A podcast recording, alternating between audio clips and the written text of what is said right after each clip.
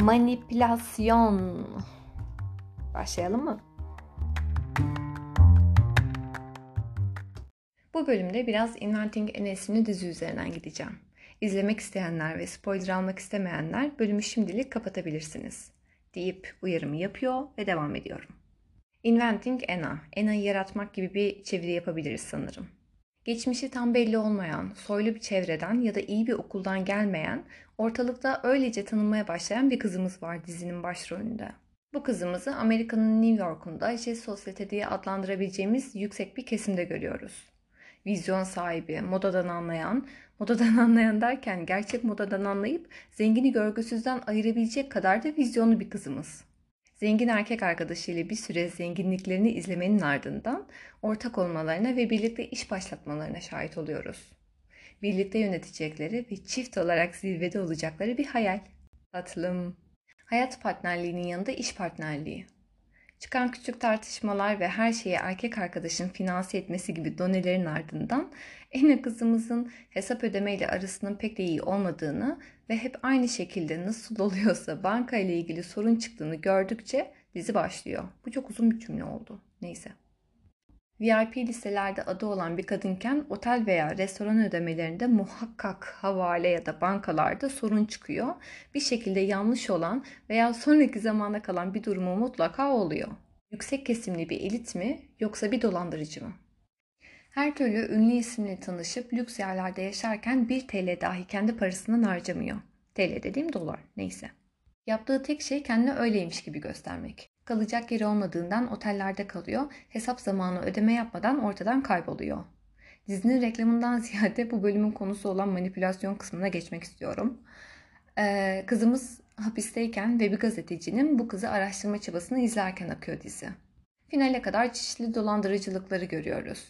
Finale yaklaştığımızda ise Ena'nın mahkemesi başlıyor. Mahkemede reklamcılıkta çok kullanılan çekicilik gösterişlerinden bahsediliyor. Sorumsa şu. ENA ödemeleri sadece geçiştirme ve belki küçük manipülasyonlarla bunca kişiyi dolandırmış sayılır mı? Yoksa sadece o anı geçiştirerek kendine ultra zengin, şaşalı, neşe ve arzuların gerçek olduğu bir hayat sergileyerek karşısındakini zayıf yanlarını mı ortaya çıkardı? Kızımız film boyunca kendine her şeye açılan kapı ve harikalar diyarı gibi gösterdi. Peki bunları reklamlar dahi yapıyorken, hatta bazılarımız ilişkilerinde dahi deniyorken, bu dolandırıcılık mı yoksa zayıf nokta bulma sanatı mı? Kişisel gelişim tüketimle eş gitme raddesindeyken hepimiz manipülasyonun ne olduğunu, nerelerde ne şekilde kullanıldığını sanırım artık biliyoruz. Çeşitli reklam politikalarından sosyal ilişkilere kadar her yerde denk geldiğimiz İnternette manipülasyonun 10 yılı, 5 adımda manipülasyon gibi bilgileri görebildiğimiz bir konu. Benim gelmek istediğim nokta ise şu.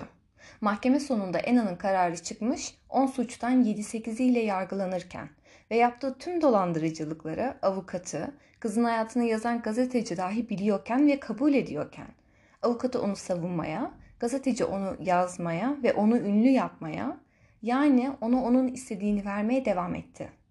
Ve hepsi bunların suç olduğunun farkında olsa da mahkemede karar Ena'nın 12 ya da 14 senesine mal olsa da avukat Ena'yı savunarak kendine isim yapmış, gazeteci terfi etmiş olsa da Ena'ya karşı üzüldüler.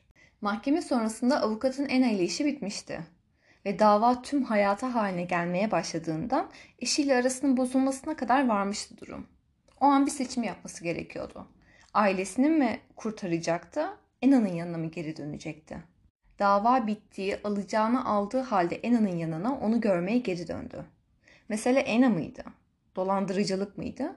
Yoksa kariyer meselesi falan mıydı? Ena bu kadar insanı dolandırırken onlara rüşvet vermeye çalışmadı. Benimle gel karşılığında bunu alırsın demedi. Sadece başkalarının parasıyla diğer başkalarına bonkör davrandı. Örneğin sinema sektöründe olmak isteyen ama cesaret edemediği için otelde çalışmayı tercih eden kızla samimi oldu. Çünkü kız onu VIP müşteri listesine alacaktı ve bu onun işine yarayacaktı. Buna tamam. Ama ilişkileri orada kalmadı. Otelci kızda eksik olan şey paradan ziyade cesaret edemediği, kendi mesleğinde kendi yolundan gitme ve istediğini elde etmeyi Ena çok açık bir şekilde oynuyordu.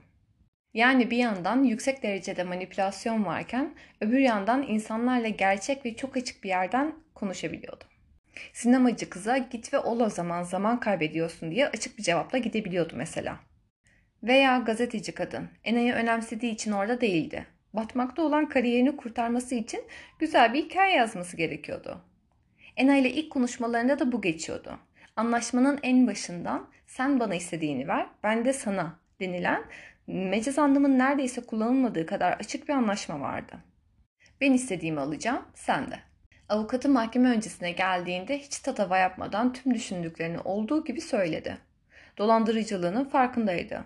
Onu aklama ya da olayı toz pembe gösterme çabası yoktu. Sadece birlikte bir işe girmişlerdi ve Ena'nın en görkemli, en domestik halinden en aciz haline kadar her şeyine şahit olmuştu.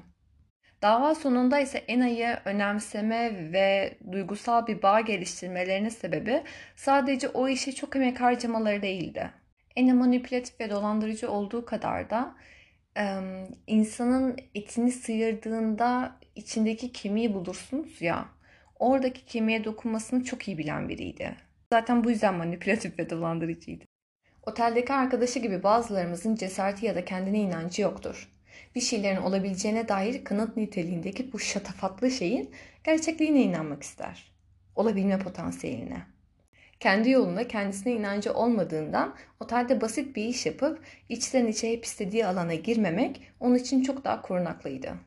Hata payı yoktu çünkü oynamıyordu. Hangisi daha manipülatif? Bazılarımız ise gazeteci gibi kariyerinde kadın olarak istediğini elde edebilme yoluyla bağ kurar. Yine bazılarımız avukat gibi Gerçi avukatın başka bir iki noktası daha vardı bence ama başarı ve birilerine bir şeyleri kanıtlama ve istenilen o şeyi elde etmenin hazzını yaşamak ister. Gün sonunda inanmak istenilen bir başarı hikayesi, yapabilme gücü ve bazense kendimizden daha büyük bir amaç vardır. Bombalı terör saldırılarında kendini bombayla patlatan insanlara Türkiye'de yeterince denk geldik. Genellikle ölümü yaklaşan hasta insanlardan seçilir bu kişiler. Çünkü bu konularda manipüle edilmesi daha kolaydır. Bu insanların hayatı bizimkinden daha mı değersizdi? Hayır. Sadece kendilerinden daha büyük bir amacı olması insan ölümünü daha anlamlı kılabiliyor bazen. Seçilen kişiler de bu yüzden genellikle kanser ya da ümitsiz hastadır. Alın size manipülasyonun başladığı yer. Benzer şekilde Hitler gibi isimlere baktığımızda manipülasyonun en net şekillerini görebiliriz. Ellerin durma açısından ses tonuna kadar her şey mükemmeldir. Çünkü o kişi başkalarını manipüle etmeden önce kendisini manipüle eder. Uğrunda varlığınızı eritmek istediğiniz şeyler neler? Bir düşünce uğruna ölmek, bir fikrin, bir yolun, bir ideanın adına kendini eritmek. Nasıl geliyor? İnsanlar olarak hep bir hikaye, hep bir anlam arıyoruz. Doğduğunuz andan itibaren her şeye sahip olduğunuzu, istediğiniz her şeyin önünüze serildiğini düşünün. Nasıl olurdu? Başta güzel gelse de istediğiniz her şey istediğiniz an belirse bir çaba, efor sarf etmesiniz, bir ilişiklik kurmasanız, kendinizden verdiğiniz bir parça olmasa o şey sizin için o kadar değerli olur muydu? Sevgi neydi? Sevgi emekti. bir çiçek sizin için basit bir çiçekken o çiçekle bir anınız olduğunda kendinizle özdeşleştirdiğiniz bir sembol haline gelebilir. İnsan anlam üreten bazen de ona verilen anlamla kendine bir yer edinip orada mutlu olan bir canlı. Üreten kesimiz çeşitli anlamlar üretip onların içini yeterince doldurup ve onları yeterince doyduklarında onları bırakıp başka anlam arayışlarına giriyor. Yüzyıllardır var olan felsefe tarihine hoş geldiniz. Oku bakalım belki biter. Ve bunda pek de o normal bir durum yok aslında. Ya da normal bir durum yok. Hangisi ise. Diziye geri dönecek olursak. Oteldeki kız sinema ile ilgili bir şey yapmak istediği halde basit bir işte para biriktirme bahanesiyle hayatını geçindiriyordu. Korktuğu alana girmek için zaman kazanıyordu kendince. Kendini manipüle etmek için oldukça güzel bir bahane. Gazeteci kadınsa kariyerinde iyi şeyler olabileceğini ve çocuğu doğmadan kendini kanıtlayabileceğini patronlarından önce kendisine kanıtlamak zorundaydı. Kariyer hayatının bitmemesi için çabalarken Ena'nın başarısıyla kendisini özleştirdi. Ena'nın başarısı da aynı şekilde kendine karşı bir şeylerin ispatı niteliğinde olacaktı. Başarının ve oldurmanın ispatı.